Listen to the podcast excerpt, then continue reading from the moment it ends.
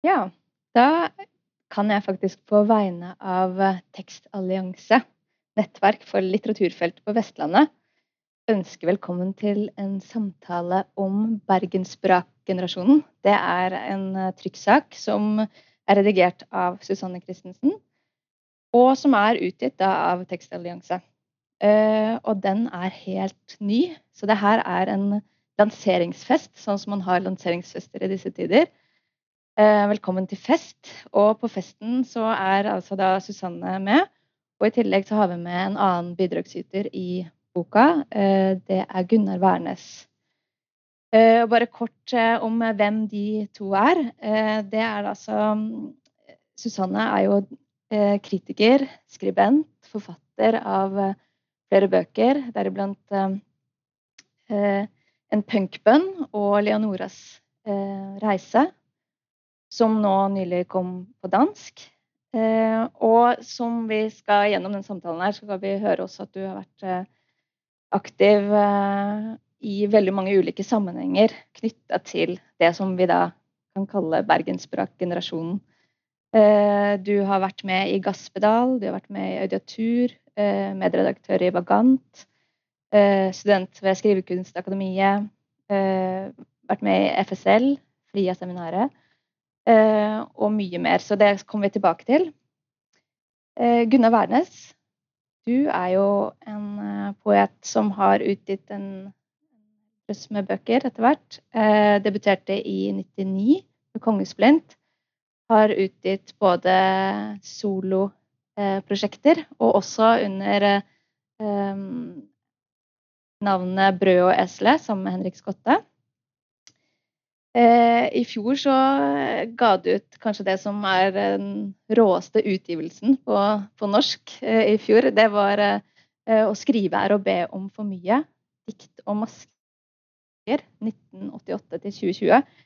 Og den er da en, det er en diktsamling, det er en, et arkivarbeid og en form for eh, selvransaking. Eller i hvert fall er det veldig mye eh, prosess eh, Vi kommer inn i prosessen gjennom eh, hele ditt eh, forfatterskap. Det er et fantastisk fotnoteverk som er um, veldig interessant å lese.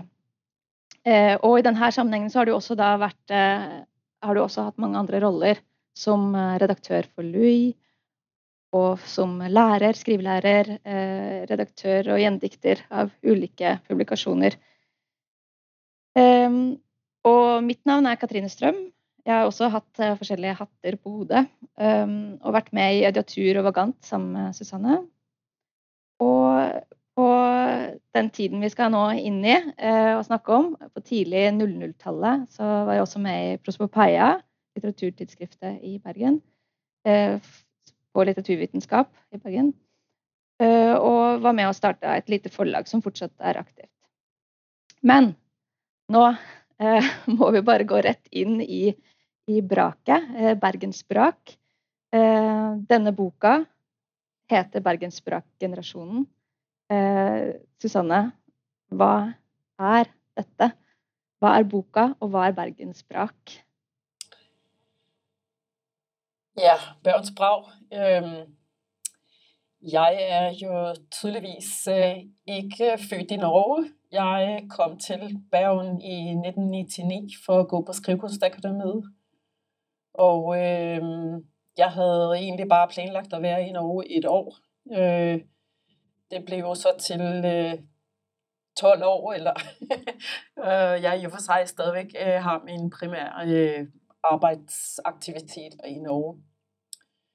Øhm, Bergens Brag var et arrangement, et, et øh, øh, øh seminar, som blev til i 2003, og øh, det havde lidt at gøre med øh, et pludseligt venskab, der opstod øh, med en øh, dansk øh, fyr, poet og redaktør, som hedder Martin Glaserup. Han var på det tidspunkt redaktør i øh, et øh, tidsskrift, som hedder Apparatur. Og jeg læste en tekst, han havde publiceret i Prospopeia, og øh, vi begyndte at chatte øh, og snakke på mail. Og øh, på det tidspunkt øh, lurede jeg vældig på, øh, hvorfor at der var så lidt af den norske litteratur, som jeg kendte, som var den unge norske litteratur, som var kendt i Danmark. Man kendte jo Jan Kjærstad, og øh, det var stort set det. Øh, så øh, jeg øh, aftalte med Martin at lave nogle små oversættelser af Olav Nielsen og øh, forskellige øh, yngre forfattere, som jeg var interesseret i på det tidspunkt.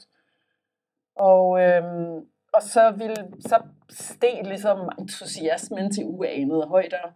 Og øh, Audun Lindholm, øh, som jeg havde gaspedal, vi, vi var involveret i forskellige øh, aktiviteter med fanzine litteratur, fanziner og øhm, oplæsninger og øh, små forlag. Øh, øh, I hvert fald tanker om små forlag. Øh, det var vel primært fanzinet Grønt Kylling, vi øh, drev med på det tidspunkt. Men vi havde de, jo de første små bygger i biblioteket Gaspedal kom ud i 2003. Øh, correct me if I'm wrong. Øh, så Øh, Øh, vi, vi, vi, vi snakkede meget om, øh, hvordan, altså, hvilke strategier har man som et lille forlag eller et tidsskrift. Øh, pludselig havde vi fået øje på hinanden via internet. Der sad nogen i Jylland, og der sad nogen i, i Trondheim, og der sad nogen øh, i Oslo. Og øh, vi inviterede jo så øh, øh, folkene fra Louis, altså Gunnar og øh, Monika Osbro og Ingrid Storholmen, og så inviterede vi øh, folkene fra Ny Poesi, øh, Paul Bjelke Andersen øh, og Marianne Inge og så videre. Og vi inviterede H. Pres, øh, et lille forlag, som var ved at starte op i Oslo med Jørgen H. Sværen og Esben Grønli. Og øh, planen var jo at øh, komme sammen og tale om strategier og øh, hvordan, hvordan leve som, ja, hvordan øh, have en anderledes ja, grund, grundlægge en anderledes tankegang, som er baseret på en slags litterær aktivisme. Øh, og i stedet for på en måde at have den der drøm om at blive accepteret af et stort forlag i Oslo, og så øh, på en måde gå den mm. vej. Jeg ved ikke, jo, jo, absolutt. Og det er, det er veldig mange um, innganger til å snakke om det her um, feltet. Uh, men uh, kan du si litt om um, hva som uh, gjør at vi nå snakker ut fra, med utgangspunkt i denne boka. Altså hvordan oppsto tanken på å liksom eh, Eller behovet for å samle det her i en publikasjon som Bergensbrak-generasjonen? Ja, der var indre behov til at starte med, men der var en invitation øh, til mig i, helt tilbage i 2016. Øh, og det var øh, øh, et øh, akademisk netværk øh, ledet af Tanja Ørum, professor emerita ved Københavns Universitet, som er leder for øh, det nordiske netværk for avantgarde studier. Øh, og øh, de har øh, jobbet i årvis med et øh, kæmpemæssigt øh, kortlægningsprojekt af øh, de nordiske avantgarde-bevægelser. Og øh, den sidste bog, øh, de har så øh, publiceret de her i en serie af antologier, øh, med øh, akademiske tekster på engelsk, så det er jo egentlig en kommunikation til den store verden om, hvilke, hvilke øh, avantgarde kunstnere og bevægelser, der har været igennem tiderne i øh, Norden. Og øh, den sidste del af den her øh, serie af antologier er jo så øh, går op til vores samtid, og der bad øh, Tanja mig om at skrive en tekst om, om norske småforlag på 00'erne. Og øh, det synes jeg var vældig svært, for det, var, det er jo på en måde at forske i, øh, hvad mig og mine venner gik rundt og lavede. Øh, og jeg havde forestillet mig, at det skulle være en tekst, som var baseret på interviews, og som var polyfon, hvor jeg skulle interviewe øh, alle mulige folk. Øh, jeg skulle sidde i Oslo og snakke med Jørgen, og jeg skulle træffe Ingrid Storholmen og Martin osv. Og øh, men det var ikke den tekst, som, som, som de ønskede sig, i hvert fald til antologien. Men øh, da teksten jo så var færdig og i et format, som, som, som, øh, som de ønskede sig, som så kommer, kommer øh, som del af den her publikation, så, øh, så begyndte jeg at tænke på, at det her er en tekst, som også skulle have en slags udspredning i Bergen, for det er en del af Bergens kulturhistorie, øh, nyere kulturhistorie, øh, kan jeg sige, uden at sætte mit lys under en skæppe. Øh, så, øh, så havde vi mange øh, øh, idéer og tanker om, hvordan man kunne gøre sig om til en slags litterær aktivist. Øh, så, øh, så jeg sidder og grublede lidt for mig selv. Øh, nu er det, har jeg jo på mange måder øh, brugt øh, Audun Lindholm øh, som kilde også, og han har været med. Vi har, vi har tjekket den tekst øh, sammen. Øh, så teksten i sig selv var ikke nogen hemmelighed, men øh, i anledning af Auduns 40 års fødselsdag sidste år, der tænkte jeg, at jeg ville lave en lille publikation, som var mere i tråd med øh, den her idé om polyfoni, og også som en tekst, som kunne være til en, en slags gave til Bergen, eller være bedre tilgængelig i Bergen. Øhm, og det var egentlig nogle ret løse idéer, som først øh, rigtig blev øh, på en måde fik øh, sat ordentligt fyr på, da jeg øh, tog et møde øh, sidste sommer med Inga Moon Danielsen fra Tekstalliance. Så det er meget øh, Ingas på en måde input, som gjorde, at projektet blev meget mere ambitiøst, end, end, øh, end jeg havde tænkt det. Så øh, jeg havde egentlig bare tænkt at overraske Auden med en publikation, og så at den kunne være tilgængelig i, i et sådan mindre kredsløb i Bergen. Øh, men øh, vi søgte penge og så videre, så blev det en, en, en vældig fin publikation, og øh, utrolig glad også for, at vores øh, partner tilbage fra øh, det lille forlag Gaspedal og Øystein Wittnes øh, har lavet designet på bogen, øh, så den er blevet super fin. For det boka indeholder øh, din, øh, øh dit essay på en måte, som tar særlig udgangspunkt i Gaspedal og Louis, men som på en måte da øh, stråler utover hele feltet på den tiden. Øh, og i tillegg så er det en replikke fra, fra inviterte øh, som også var del av det, deriblant Gunnar. Um, og du skriver også i, i din tekst, Susanne, eller i innledningen, at uh, du ehm, inviterte, eller møtte Gunnar eh, i København, var det vel, eh, og han hadde med seg en eh, ryggsekk full av eh, diverse publikasjoner, rester. Eh, eller kan du fortelle litt eh, hva du hadde med deg til det møtet, og hva, hvordan man på en måte starter et sånn eh, arkivarbeid da, for å finne fram til hva som egentlig skjedde? Ja, jeg hadde en boks som var liksom 80-90-tall, og pluss noe vagant, sto det på den. Og der lå det gateaviser som jeg hadde kjøpt på gata i Trondheim når jeg var gymnast. Det lå i informasjonsheftet som jeg hadde fått av mora mi, som eh, het For hvor farlig er hasj? Og så lå det også mesteparten av eh, publikasjonene til Gaspedal. Og eh, For vi ga jo bort bøker til hverandre på, i vilden sky. Og jeg har eh, samla liksom alt det i én boks, og så var vel Susanne i København, og så hadde ikke tilgang på nettopp denne type bøker på biblioteket der. Så da var det lettere at jeg tømte bokhylla her. Og det var jo ja, mesteparten av de småpublikasjonene, egentlig. Med et par sentrale unntak, så tror jeg det meste var der i en eller annen form. Eller i hvert fall deler av serier. Og, og da var det vel Gasspedal, H-press, England Forlag, en del Ja, grønn kylling hadde jeg jo nesten alt sammen nå. Gud vet hvor hadde, hvordan det hadde funnet veien til meg, men jeg fikk det antagelig da, av, eh, av dem som laga det, jevnlig. Vi sendte jo ting til hverandre. Det var en vanlig praksis. Og så var du jo da eh, medredaktør i Louis Nordenfjelske. Mm. Eh, kan du fortelle eh, hva det var for noe? Eh, hva slags eh, du har en veldig flott eh, beskrivelse av hva slags fisk det er.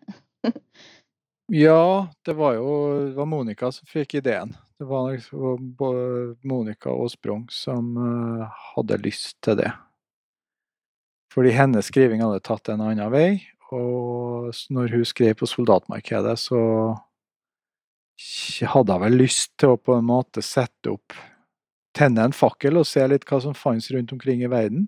Sjøl var jeg ganske nyetablert som forfatter, og Ingrid Stolmen var også nyetablert som forfatter. Og både Monica og Ingrid hadde jo hatt den jobben i Morgenbladet, så de visste jo litt om hvordan avis og offentlighet skulle håndteres. Jeg visste ingenting om det. Jeg hadde, det jeg visste om sånn kulturproduksjon, det hadde jeg lært av eh, de her plateselskapene og de her kooperativene som fungerte på punk og hardcore og tungmetallscenen i Trondheim.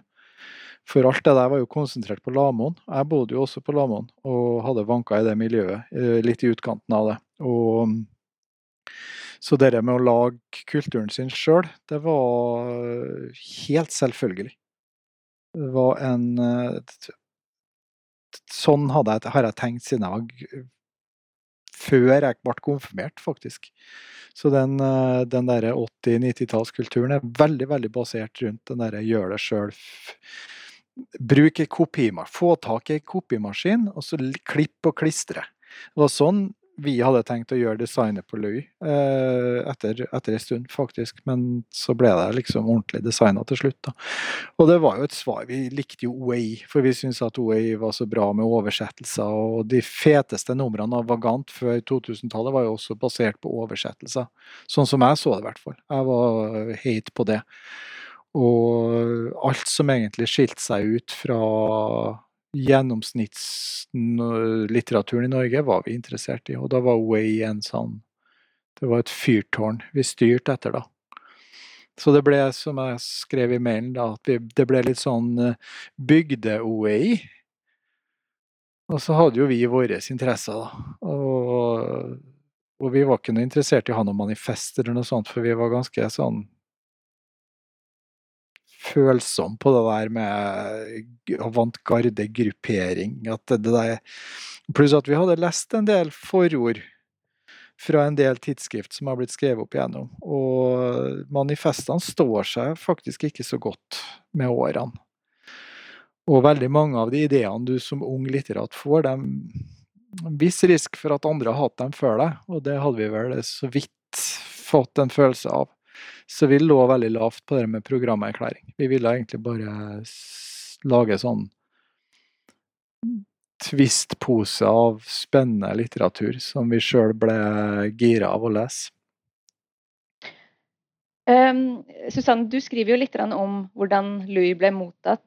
Og, og uh, det kan vi jo også komme inn på. Men kan du si litt også om, om uh, inspirasjonskildene for rundt Gaspedal? og og grønn kylling, og, og hvor dere kom fra, fra den eh, kanten? Ja, altså avantgarde er jo ikke noget, vi kaldte os selv, men øh, grunden til, at Tanja øh, var interesseret i øh, småforlagene, øh, eller øh, interesseret i at inkludere den her historie i øh, det her øh, øh, forskningsprojekt, øh, som øh, på en måde øh, altså har fokuseret på, øh, på øh, forskellige avantgarde øh, bevægelser. Øh, var jo, at øh, det var den ramme, man, man talte om vores tekster, eller vores øh, publikationer, øh, så det var jo på en måde lidt... Øh, altså det var, det var et spændende øjeblik, og øh, Øh, men øh, nogle af de ja, de to, øh, nogle af de første bøger, som vi udgav, var jo øh, inspireret af øhm, øh, det lille forlag i øh, København, Basilisk, og deres serie B16, øh, som egentlig er sådan postkort store, øh, eller postkort små publikationer, som kan være i, i baglunden og øh, Basilisk øh, serie øh, var øh, også interskandinavisk, det vil sige, at der var tekster på dansk, men også på norsk og svensk. Og øh, alt det her øh, var vi vældig interesseret i, og, øh, øh, og vi havde lidt... Øh, øh, ja, altså det var jo en, en fantastisk tid i forhold til poesifestival, og også der var Bergen Poesifest i Bergen, og senere audiatur, og så var der In the Making i øh, København i 2001. Øh, og øh, der var mig og Audun og, og øh, mange andre til stede, og øh, der var et festfyrværkeri af forskellige amerikanske øh, Øh, poeter, øh, tilrejsende poeter øh, fra, fra alle ender og kanter af verden, øh, og primært fokus på øh, ja, eksperimentel poesi, det vi kalder language poesi og New York School og så videre. Øhm, og øhm, det her passede øh, strålende ind i vores øh, tankegang på det tidspunkt, og vi havde fået kontakt med Monika, øh, og øh, vi var interesseret i det her, øh, den her tekst, som hun jobbede med, som hun kaldte soldatmarkedet, som, øh, som på en måde øh, udfordrer grænserne imellem, hvad er en tekst og hvad er et billede, så det er på en måde tekster, som, som er på vej til at blive billeder, øh, og som er ja, som ikke er et direkte narrativ, for at sige det mildt. Det er på en måde mere billeder, øh, og øh, som Monikas øh, tekster var grænsebrydende og øh, interessante for os. Øh, og så fandt vi jo også frem til øh, Vemund Solheim Otland, øh, som, som Gunnar kender øh, for mange år tilbage øh, og gik på Skrivekunstakademiet øh, sammen med. Øh, og Vimund øh, havde haft øh, et øh, vældig eksperimentelt øh, øh, poetisk projekt liggende i skrivebordskuffen i mange år. Øh, og det var ikke noget, Oslo øh, forlagen i Oslo øh, øh var interesseret i at publicere. Øh, Vimunds øh, tekster øh, på, på en måde også grafiske og lydlige, på vej til at blive lydpoesi, eller på vej til at blive billede. Øh, og øh, især Vimon og Monikas øh, bøger øh, kunne jo, ja, hvis de var kommet ud i dag, jeg tror jeg, jeg ved ikke, hvordan det var gået, men vi var på en måde privilegeret på det tidspunkt, at der var en super seriøs og skarp øh, litterær offentlighed, og der var debat i Morgenbladet og Klassekampen og Vagant og, øh, og så videre, og øh, så de her små øh, publikationer fik jo en, øh, en fornem øh, og også til, til dels ganske voldsom og aggressiv modtagelse. Det var en stor provokation. Det der var ikke poesi, det der var ikke central lyrik. Det der var, hvad er det her for noget osv. Så, så på den måde, så var det direkte tilbage til dadaisme og så, så på den måde, så receptionen tog jo op en masse øh, referencer til, hvordan at øh, den historiske avantgarde, øh, forskellige eksperimentelle projekter er blevet modtaget. Øh, så der udviklede sig en interessant samtale omkring de her mærkelige små bitte bøger, som vi begyndte, begyndte at publicere i 2003. Mm. Um, og, altså jeg tænker, uh, de fik jo en uh, modtagelse, som var til dels uh, lidt, uh, ja, som du siger, uh, en sjokkert, eh, et sjokkert publikum. men, men var, var, det, var, det, eh, en eh, åpenhet også for, for uh, prosjekter som går litt utover den snevre uh, forfatter... Eller snevre litteratur um, Hva skal man si uh, Definisjonen da, på hva en bok skal være, hva en forfatter skal være. Um, Altså, vi var jo, vi spillede jo ind i et landskab, hvor øh, de her tanker og idéer var overalt. Og som Gunnar siger, nævner OEI, det, det svenske poesitidsskrift, som vi definitivt alle var fuldstændig øh, optaget af. Og øh, de har ikke opfundet øh, udtryk og sprogmaterialisme selv, men det var jo så øh, de svenske medier, som som snakkede om OEI's poesi, og øh, den var jo netop øh, optaget af teksten som materiale, øh, snarere end som bare som mening, eller som udtryk for sjælen, eller for udtryk for øh, menneskelige følelser. Øh, så øh, da øh, Bergen Poesifest og Audiatur øh, øh, på en måde lå og ulmede øh, der var det jo, ja, måske især, især audiatur øh, lagde jo vældig vægt på øh, at præsentere øh, ikke bare poesi som oplæsning, endeløs oplæsning. En eller anden poet stor læser. Men øh, audiatur var også en øh, kunstudstilling. Der var visuelle værker øh, nede på USF. Øh, og der var performance, der var øh, Maja Ratke og Evin Berg, der var lyd, øh, støj, øh, øh, projekter. Øh, så øh, en poesifestival var, ja, vi, der, var, der var en voldsom på en måde øh, genopdagelse af, hvad en poesifestival og hvad poesi kan være på en scene eller i et, mm. i et rum. Øh, så øh, vi, var, øh, vi var egentlig bare en lille krusedulle inde i det her landskab, så vi var, øh, vi var mange, der på en måde øh, var inspireret af Ulf Karl Olof Nilsson og øh, øh, hvem som helst øh, af øh, de, de svenske poeter, og desuden også de amerikanske og franske poeter, som OEI på en måde introduceret og formidlet.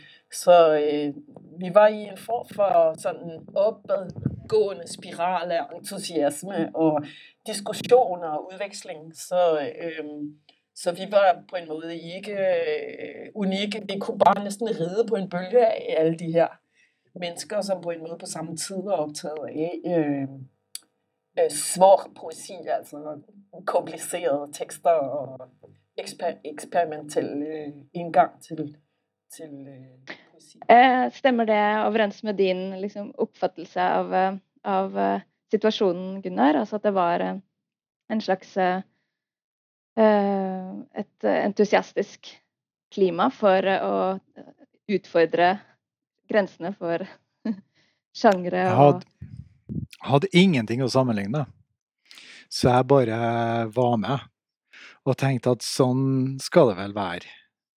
Sånn er det vel, tenk deg, Å komme fra der jeg bodde, altså Heimdal, der det ikke finnes noe miljø i det hele tatt, til å nærme seg da et miljø. Og at eh, så tenkte jeg at ja, men da er det antagelig så her mange fester. Da er det antagelig sånn her man blir omtalt i media. Da er det antagelig omtrent sånn jeg må oppføre meg. Da er det antagelig det her som er greia. Så jeg tenkte ikke så mye på det da. Men uh, nå har jeg jo blitt en gammel rev, så nå skjønner jeg jo at det var en ganske det var en ganske livlig tid, og hørt flere referere til det som en, uh, så, som en livlig tid og at det var diskusjoner rundt poesien. Og selv den dårlige kritikken som var opprørende og irriterende den gangen, fremstår jo i et eh, annet lys i etterkant. For da nå fremstår den som energi, som, som svar, som ekko, som noen ting som, som en reaksjon. da, Som eh, i lange perioder man som forfatter kan savne. Ikke fordi at man har skrevet så jækla dårlig bok nødvendigvis, men fordi at vi lever også i en kultur der det produseres utrolig mye bøker, og man kan av aldersårsaker eller ideologiske årsaker være helt usynlig da, i mange år før man har et mellom hvert lykketreff, da, kan man si. Og så det Jeg hadde vært forbaska interessert i å vite hvordan Kulturrådet sine budsjetter så ut gjennom hele 90-tallet, og hvordan de begynte å se ut på eh, 2000-tallet. Fordi vi svidde jo av en del kulturrådspenger i, løpet av de årene her. Den der, jeg husker jo at vi eh, satt jo Vi eh, svidde jo opp 140 000 på å lage festival i Trondheim i 2002 og hadde et lignende budsjett. Det er en billig festival. vi gjorde det i samarbeid med Forfattersentrum oppi der, som var, uh, hadde en veldig driftig uh, daglig leder der, Tora Seljebø, som backa opp den festivalen fullt opp og skaffa penger. Og så, for det var ikke vi så gode på. Og så min erfaring er jo at det har hele tida også funtes midler i eh, den norske kulturpolitikken som man kan søke på, og som det går an å få tilgang til om man har ideer som man er klarer å legge fram. Og nå som, igjen, nå som jeg begynner å bli en gammel rev, så vet jeg jo at det er faktisk sånn at når du sitter og fordeler sånne penger, så er du veldig interessert i unge, sultne utøvere som ikke har forstått hvordan de skal porsjonere ut sin ville energi. De gir alt hele tida. Og det er akkurat sånne folk man har lyst til å jobbe sammen med når man er en halvgammel kulturrev. Folk som er liksom predekadanseungdom. Eh, de kan være fulle, de kan være uvaska, de kan bo eh, i møkkete leiligheter og ligge med klærne på og sove oppi ei dobbeltseng, fem stykker i en haug. Men så lenge de har liksom den driven, så vil du gjerne jobbe med den type folk man vet tar risken på at det kan gå gærent. At de drikker for mye, eller at de roter bort pengene, eller at de ikke klarer å holde tidsfristene sine. Men basically så går det bra. De vil lage kultur, disse folkene der.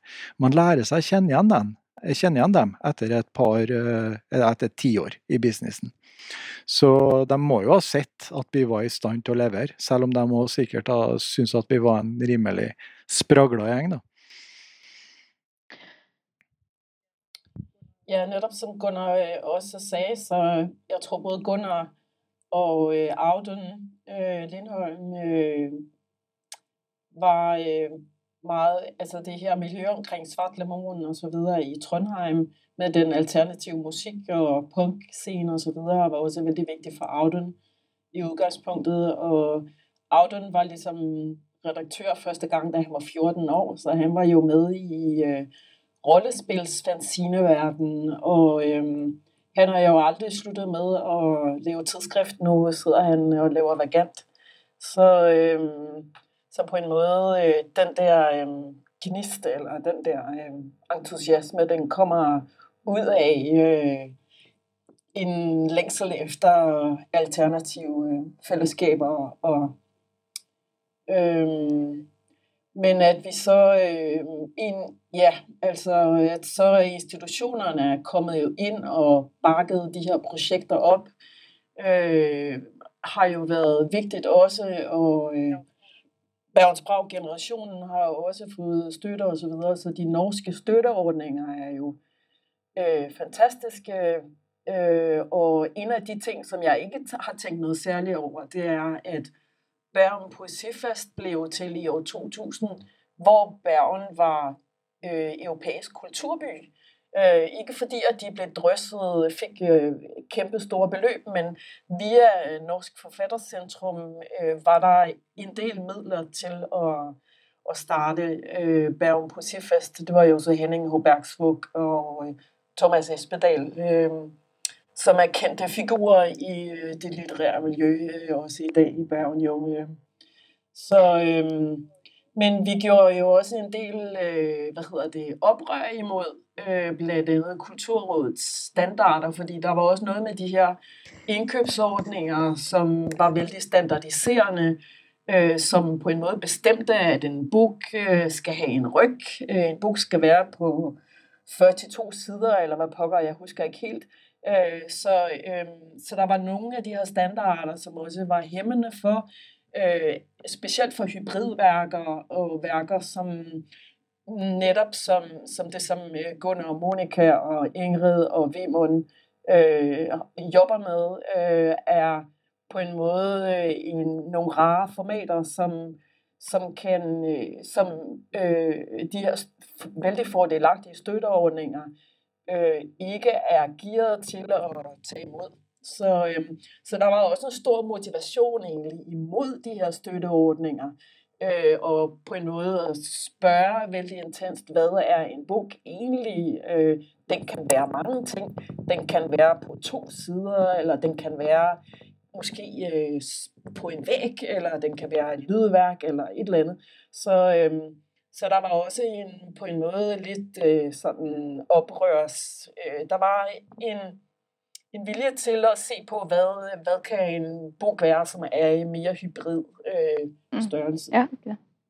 Ja, de og, og Kulturrådet har jo endra på dette her uh, ganske radikalt i løpet av de siste ti årene også. Og, så på ett vis så har den endringa blitt pressa på nedenfra, men så tror jeg også at man etter hvert som man har oppretta interdisiplinære kategorier og litt sånne åp, åp, åpen uh, klassesøknadsposter, så har man oppdaga at man får ikke inn så mye søknader til tverrkulturelle og hybride prosjekter.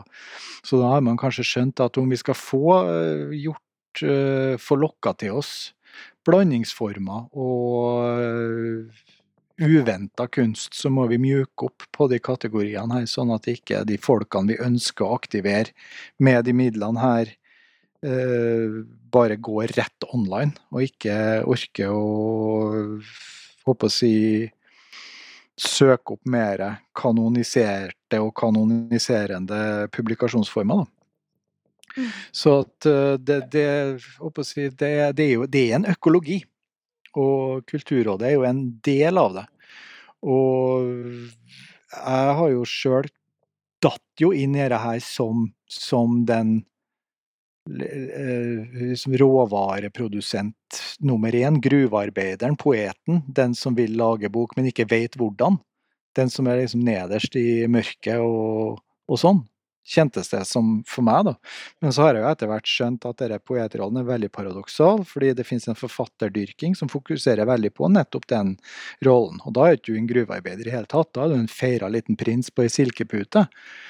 Og da er det plutselig litteraturen handler om å fokusere på forfatteren, og så driter man i at rundt forfatteren så er det eh, forlag, redaktører, oversettere, formidlere, bibliotekarer, folk som jobber i Kulturrådet, festivalkomiteer. Det, det, er masse folk som får scener, litteraturscener, kulturscener til å fungere. Og den norske litteraturscenen har vært veldig veldig fokusert på at det er forfatteren som får alt å skje. Det, man fokuserer på liksom den identiteten der, og den rollen. Som er, og, og, det som er store, store gevinsten med en sånn eh, bergensbrak uh, som er en slags åpen læregruppe, eller hva du skal kalle det. En slags pedagogisk sammenstimling som ikke er festa til en institusjon, den lærer ut at uh, skal du få ting til å skje, så må du samarbeide. Samarbeid innebærer iblant kompromisser, iblant kompromissløshet. Iblant må du tenke utenfor boksen, iblant må du bløffe deg innenfor boksen og så forsøke å tøye det. Du lærer deg da liksom det der snedige, kollektive, omgangsbaserte Få det til å funke uten at det brenner opp for mye penger på veien. Så, så man lærer opp hverandre. Så det er jo utrolig godt for en utøver å ha sånne plasser å gå til. Men da vil det til at det er nok folk som gidder å drive det over lang nok tid, og at de klarer å opprettholde godt nok bånd til den øvrige økologien. Da. Altså at de samarbeider med formidlerne og øh, behandler manusene til folk bra og holder tidsfrister og så ok, eller har ok unnskyldninger hvis de ikke klarer det. Og, og alt sånt. Alt det der har jeg lært meg gjennom samarbeid, da, og gjennom å stemme av min posisjon i forhold til de ulike folkene som følger med på hvordan denne businessen funker. Og så, så det, det, ligger jo der som en mulighet for alle, hele tida. Faktisk. Ja, og jeg tenker at eh, én uh, ting er den, uh, den eh, oppdagelsen av at, uh, at litteraturen skapes av et kollektiv, eller mange ulike eh, folk og, og roller, eh, som jo er veldig viktig eh, eh å oppdage for flere. Eh, men også det at eh, eh den litteraturen eh, blør over i andre kunstformer og kan samarbeide med og være, ta, ta opp i seg andre kunstformer. Og det har du særlig eh, Du har jobba mye med det, Gunnar. Og opplevde vel også det at det ble mottatt på litt ulike måter. Eller er ja, jeg er jo utdanna på, på folkehøgskolen. Så, så, det er sånn hippieutdannelse. Så skrev man litt dikt, og så, så spilte man litt skoleband, og så uh, laga man litt kunst, og så så jeg har aldri sett eh, Jeg har aldri Forsto ikke at disse grensene var så viktige før eh, jeg hadde holdt på en stund.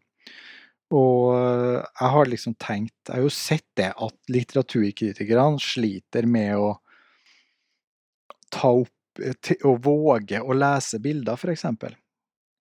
Og de forsøkene jeg har sett fra kritikkens side til å inkorporere min og andres billedbruk i litteraturen, har vært prega av eh, elementær og anekdotisk bevisførsel på det beste. Er, men man får også være litt sjenerøs, fordi ok, så finnes det kanskje ikke noe begrepsbilde på det. Fordi folk er så helsike spesialisert. Det er litt dumt. Det er mye bedre at alle har et forhold til billedkunst, og så får de heller synge med sitt nebb, da. Så jeg godtar den anekdotiske eh, argumentasjonen. Men det jeg ikke kan tolerere, er at folk bare tier stille for at de ikke våger å engasjere seg med, med verket. Det, den er tyngre å, å svelge. Så, og det er jo den interdisiplinæres frihet, men friheten også et, har et motsatt Den er tvega. Den kan også være ugjenkjennelighet, eller hva skal vi gjøre med dette? Hvilken hylle skal vi sette i, tenker bokhandelen. Mm. Hvor skal, skal, vi ha det på tegneserieavdelinga, eller skal vi sette det i dikthylla, tenker bibliotekaren. Mm. Og så Iblant så er det så ille så at de kanskje må ringe og spørre noen. og det fins et godt svar på det, altså. I de fleste tilfeller, vil jeg tro. Mm. En, ja. En af øh, Håbras øh, første publikationer var øh, øh, hedder serie A, og det var en sort boks, en sort smal boks, som øh, egentlig ligner sådan lidt sådan en boks, hvis man køber meget stilige herreskjorter. Øh, og her i var der nogle store ark, øh, øh, hvad var det, øh, seks ark, tror jeg. Og der var jo øh, så øh, forfattere, svenske, danske, norske forfattere igen, som jo gik igen i, i øh, mange af de øh, projekter, vi lavede dengang, at det på en måde altid var øh, med tanke på en form for fælles nordisk mm. offentlighed. Øhm, og der havde jo blandt andet Jørgen Garcilevski og forskellige øh, havde jo bidraget både med øh, tekst og billede på de her kæmpe store ark.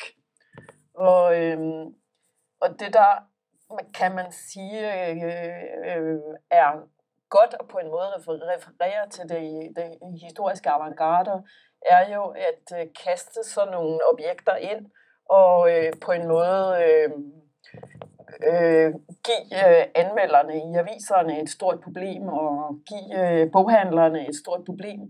Øh, og øh, hvor man på en måde bliver nødt til at gå tilbage og spørge sig, hvad er en bog egentlig? Øh, fordi der er så meget der er så mange standarder i de større forlag, som på en måde bare var, øh, som aldrig blev diskuteret. En bog var en bog, og så øh, kører man løs.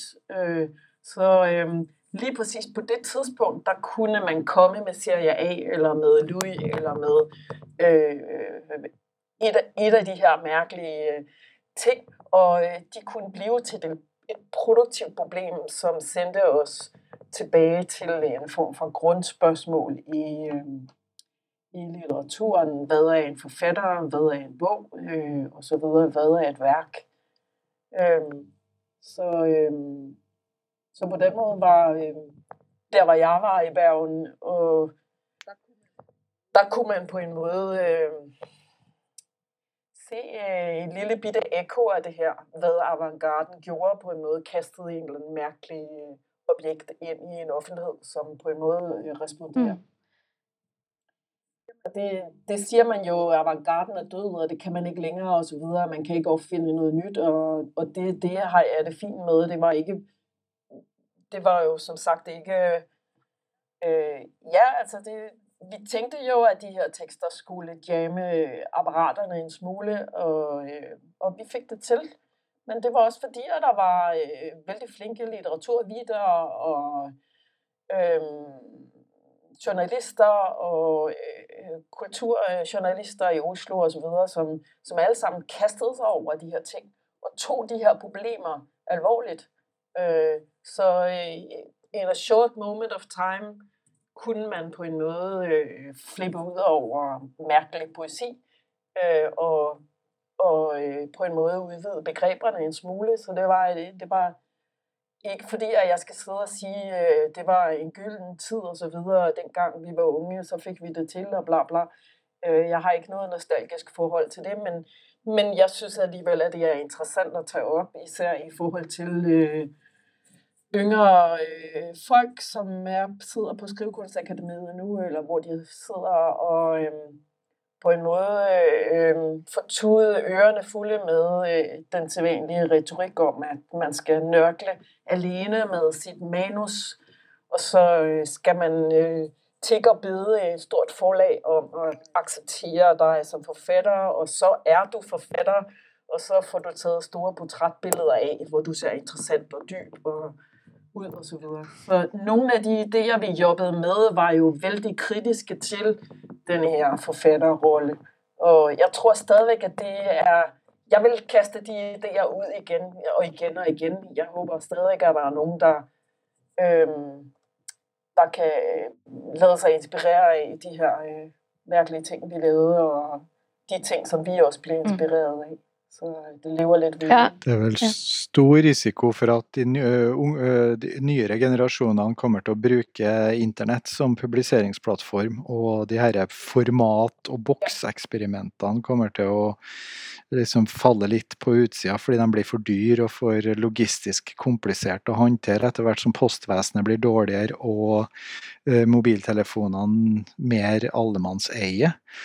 Men samtidig så har jo denne koronaen inntruffet og resultert i at alle lengter som besatt etter et offentlig rom og få møtes utomhus. og så nå er det noe spennende tid som kommer, når folk begynner å krype ut av husene sine etter hvert og, og har en lengsel etter å bruke kulturen som et treffpunkt. Og da kan det hende at uh, objektet er fortsatt eh, en, noe som ruler den tredimensjonale IRL-verden, altså. Objektet har fortsatt kraft til å samle folk i rom. Så hvem vet? Kanskje vil de lage noe nytt. Ting man må ut av huset for å komme og se på. Mm. Uh, ja netop Gunners Gunnars bidrag til Børns Berns Brag-generationen er en fantastisk øh, hyldest til det opløste på en måde værk, i, som på en måde går i et med øh, øh, alle de her øh, sociale medier og elektroniske, på en måde det her nye øh, blip, øh, blippende og bottende øh, og, og kreativt. Øh, altså man kan, man kan se, man kan enten vælge at se, som øh, Magnus William Olsen gør i sit bidrag, øh, måske lidt provokerende, øh, men øh, måske at sige, at de her forandringer i offentligheden, som har med internet og med sociale medier at gøre, at det er end of an era, og, og øh, vi, vi taber noget på en måde, og, og alting bliver går til helvede. Og så lige efter det kommer Gunners tekst, og er på en måde en enorm sådan omfavnelse af øh, alle de muligheder, der også er i de nye medier. Så, øh, så jeg er glad for, at vi har fået til på en måde den her polyfoni og stemmer i den her del med de her replikker. Øh, så, øh, og replikkene kom jo fra, fra mange ulike hold. Vi har også med fra Danmark eh, viktige eh, initiativer der, som verbale pupiller, Mathias Skogholm osv. Eh, og jeg bare tenker at den der, Vi må bare litt innom den eh, felles skandinaviske eller nordiske eh, samtalen. Eh, hvor viktig den var. Altså det å på en måte også bryte ut av litteraturfeltet som noe nasjonalt eh, eh, Eh, og som selvtilstrekkelig, men liksom som, som var eh, helt um, hvor, det, hvor, hvor, nødvendig det var da, å se til Sverige, reise over til Sverige, som eh, Thomas Espedal og Henning Bergsvåg gjorde, og fylle bilen med, med bøker. Um, og også da f.eks. den kritiske samtalen. At den foregikk på tvers av landegrensene gjennom fria seminarier. Um.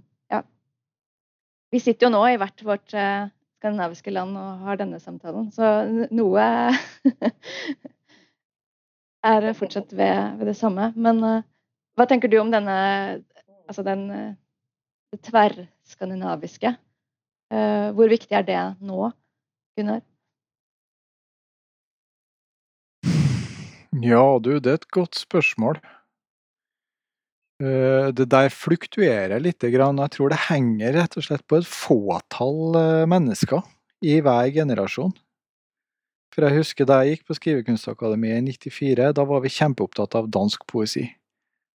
Og så snudde jeg ryggen litt til Skrivekunstakademiet, og den neste gangen jeg snur meg, så er det ikke noen som bryr seg katten om dansk poesi. Da er det svensk poesi som er greia.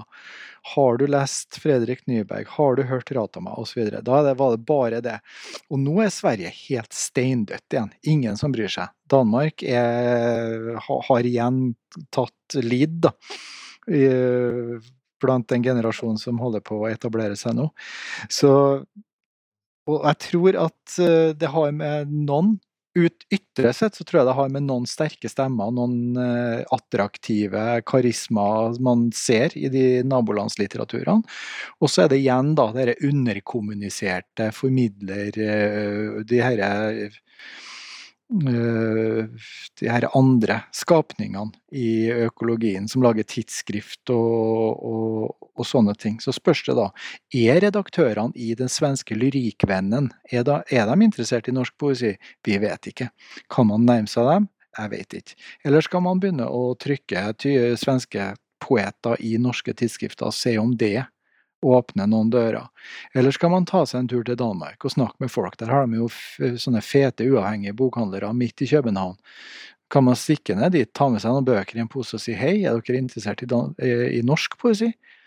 Hva slags poesi er dere interessert i? Jeg tenker bedriv litt sånn oppsøkende virksomhet på litt sånn landstryker- og Askeladd-basis, og, og, se hva som skjer. og Ni av ti sånne forsøk vil resultere i at man er litt uh, At det ikke hender noen ting. Men det tiende forsøket, der tror jeg at det kan plutselig så skjer det. Oh, generasjonsskifte.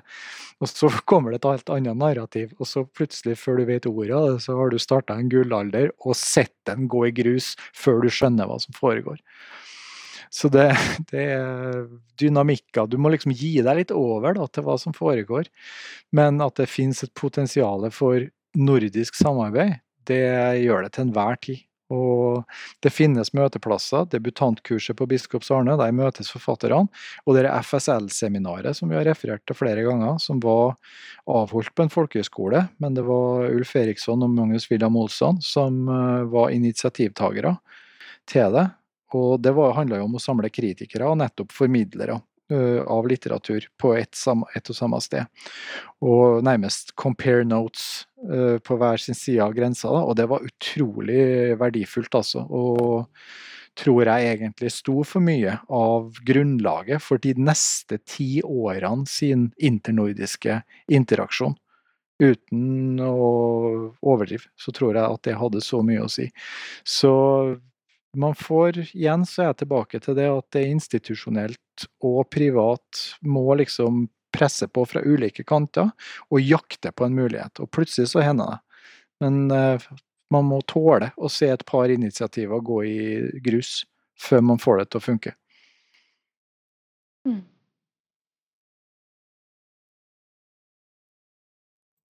Susanne, har du, vil du kommentere akkurat det her med det skandinaviske? Ja, altså en ting, som jeg har bemærket øh, og er veldig glad for at se, er jo, at, øh, at øh, hvad hedder det, eleverne på øh, de forskellige skriveskoler i Skandinavien er øh, meget mere, øh, altså mindre, altså det er ikke sådan, at jeg tror endda, der var en regel til at starte med på den danske forfatterskole, at du enten skulle være dansk eller fra Færøerne, Grønland, Island, og at der var en kvote, øh, at du kun kunne være ligesom to, to der kom fra Sverige og Norge. Jeg ved ikke, om det var, om jeg husker forkert, men jeg mener, der har været nogle regler øh, på 80-tallet engang, øh, som netop gik i, i den retning. Og nu, øh, samtidig med, at man åbner for øh, øh, ja, øh, skandinaviske forfattere med ikke-skandinavisk baggrund, øh, øh, som vælter ind nu og har brug for at bruge deres stemmer i øh, institutionen, så er øh, på en måde også øh, det er blevet meget mindre uvanligt at have øh, svenske, danske, norske, øh, finske altså forfattere, elever på det samme kursus. Og øh, det er en glæde for mig, for da jeg gjorde nordmand af mig, eller at det på en måde, øh, at jeg jo på en måde blev øh, hængende i Norge meget længere, end det var meningen, øh, så øh, blev jeg jo selvfølgelig mere og mere frustreret over, at øh, danskerne var dårlige til at forstå øh, norsk og svensk, og var på en måde rettet imod, øh, hvad der skete i, i New York og i London og Berlin, og at man på en måde var lidt harry og lidt øh, på en måde en eller anden form for uinteressant nisse, hvis man kom fra Norge, og der skete ikke noget spændende der i Norge osv., men det har jo taget, øh, det blev så på en måde, hele det område blev eksotiseret, øh, og er jo på en måde eksotisk i dag, øh, tror jeg, man kan sige, og, og der er meget større øh, på en måde udveksling og nysgerrighed. Øh. Og øhm, det, altså det danske boom nu i, i øh, forhold til små forlag øhm, er jo, har jo på en måde også en lidt tragisk baggrund, fordi at øh, forlag, forlags øh, landskabet har ændret sig så enormt, og øh, Gyldendal er jo på en måde blevet øh, ene hersker, enevældig, øh, på samme måde som Bonias øh, er, har været, er i, i Sverige. Så der har været, øh, kan man sige, en mindre økologisk øh, sammenbrud øh, øh, i øh, institutionen, som jo har øh, gjort, at man ikke bare drives af vild entusiasme, men også af desperation. Så, øh, så på en måde har indie-litteraturen taget noget af ansvaret fra dannelsestankegangen, som har at gøre med, at vi vil fandme oversætte noget fra kinesisk eller fra øh, afghansk. Hvad sker der i, øh, i Iran? For eksempel, vi vil vide noget om øh, mm, verdens poesi. Øh, og, og de store forlag har øh, en, i større og større grad en kommersiel øh, tankegang. Så det er jo bestsellere, som bliver oversat. Og, øh, så på den måde har øh, det, der er sket i Danmark for nylig, det er jo netop, at mange af de små forlag, som er vokset op, har taget noget af det ansvar på sig og oversætter øh, mærkelige eller ukendt fra, fra øh, ja, sprog, som, som, hvor der ikke øh, vanligvis bliver oversat så vældig meget fra. Så, øh, øh, så det, øh, det er jo lidt anderledes end ligesom bare at være happy-go-lucky punk, sådan som vi på mange måder var. Øh, der er jo også en stor formidlingsmæssig ansvarlighed i øh, de små forlag, øh, nu hvor øh, institutionerne på en måde øh, kører fast i nogle kommersielle, mm. kommersielle tankegang. Ja, det der med igjen med dannelsestanken. Nå har vi jo masse folk som har migrert til Skandinavia etter hvert som årtidene har gått og verdens uroligheter har produsert eh, folk på vandring som har funnet sitt nye hjem eh, hos oss. Og blant dem er det jo tjukkfullt av folk som har et forhold til poesi, og som kanskje til og med har måttet forlate hjemlandet fordi de har drevet med publikasjoner og ytra seg i offentligheten. Og der tenker jeg at den uh, møkkete punkeren fra 90-tallet kanskje har uh, godt av å bli påminnet at der har man kanskje en annen oppgave, ikke bare å uttrykke seg sjøl, men kanskje også å skape en kontaktflate mellom den litteraturbusinessen som fortsatt er ganske institusjonalisert og kan virke veldig lukka, forsøke å åpne opp den for andre litterære utøvere eller andre kunstneriske eh, interesserte.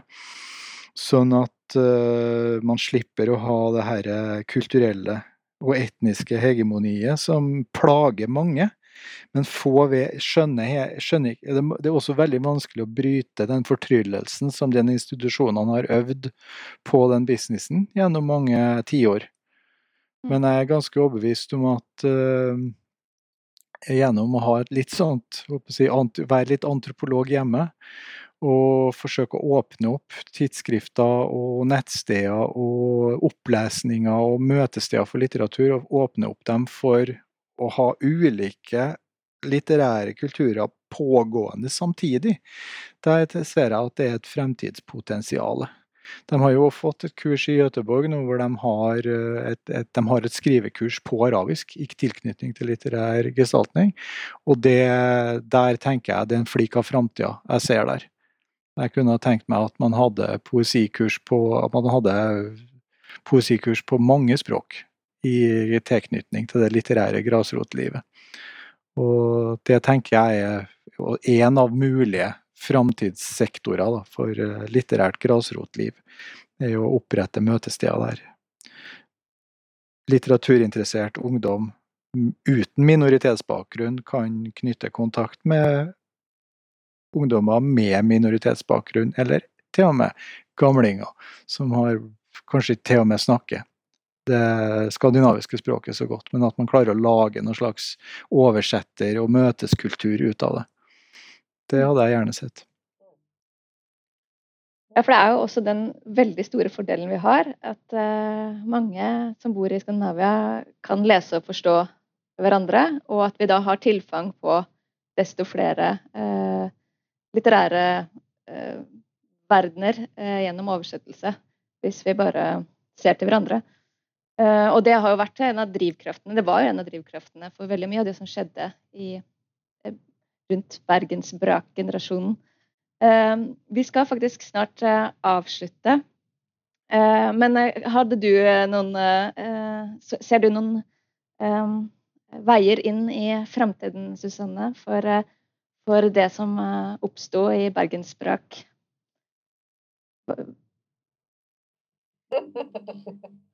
det er veldig svært at være optimistisk her under corona-lockdown, men øh, jeg sidder også og jobber mere nu med kunstfeltet. Øh, men øh,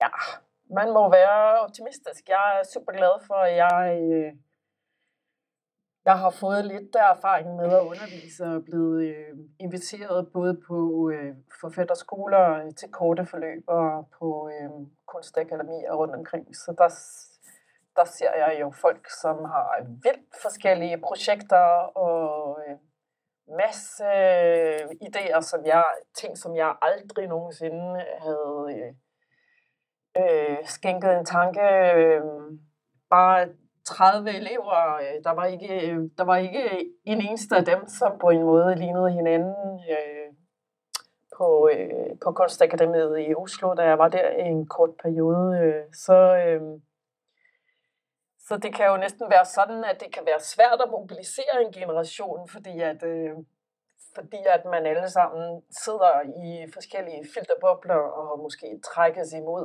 øh, øh, fællesskaber, som er mere abstrakte, end vi var mm. vant til. Når man sad i Bergen, så hvis der var en oplæsning, så der var jo ikke 10 oplæsninger samme kveld, så vi var jo stort set altid på opera, eller på øh, der, hvor, øh, hvor, der, hvor det skete, så de fysiske rum. Øh, den, en vis begrænsning i de fysiske rum gjorde jo, at miljøet blev super intenst, og som gjorde jo også, at forfattere hang ud med musikere, og musikere hang ud med billedkunstnere. Øhm, så øh, hvordan man hænger ud i dag, er øh, på en måde øh, vældig anderledes.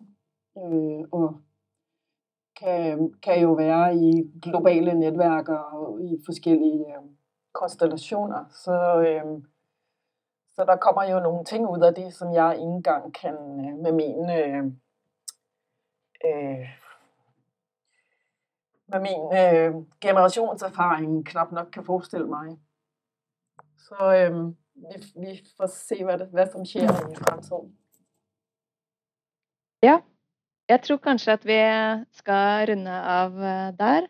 Eh, takk til eh, Sverige og Danmark og, eh, for, og Østlandet blir det vel da, Eh, Eh, for eh, denne samtalen eh, om noe som oppsto i Bergen, eller og sprang ut fra Bergen på tidlig 00-tallet, og som nå er samlet i en publikasjon som heter Bergensspråkgenerasjonen, og som er å få kjøpt på Audiaturbokhandelen og Boksalongen på Litteraturhuset i Bergen. Og replikk, Gunnar? Jeg ville bare si det til deg ensomme og frustrerte litterat- eller tverrkulturelle og tverrkunstneriske interesserte som sitter der og tenker hvordan i helsike kommer jeg meg inn dit hvor jeg kan begynne å samarbeide med folk? Ta bussen inn til byen, gå på opplesninga, finn en scene. Og hvis du ser noen folk stå og henge i baren og tenker 'uff, jeg skulle ønske jeg var dem og ikke meg', hopp over det hinderet. Gå bort og prate med folk. Veldig stor sjanse for at du kommer til å treffe At, at du vil være velkommen. For litteraturen er et uh, universalspråk som har potensial til å ønske fremmede velkommen i sin krets. Så er det. Ikke å bli alene.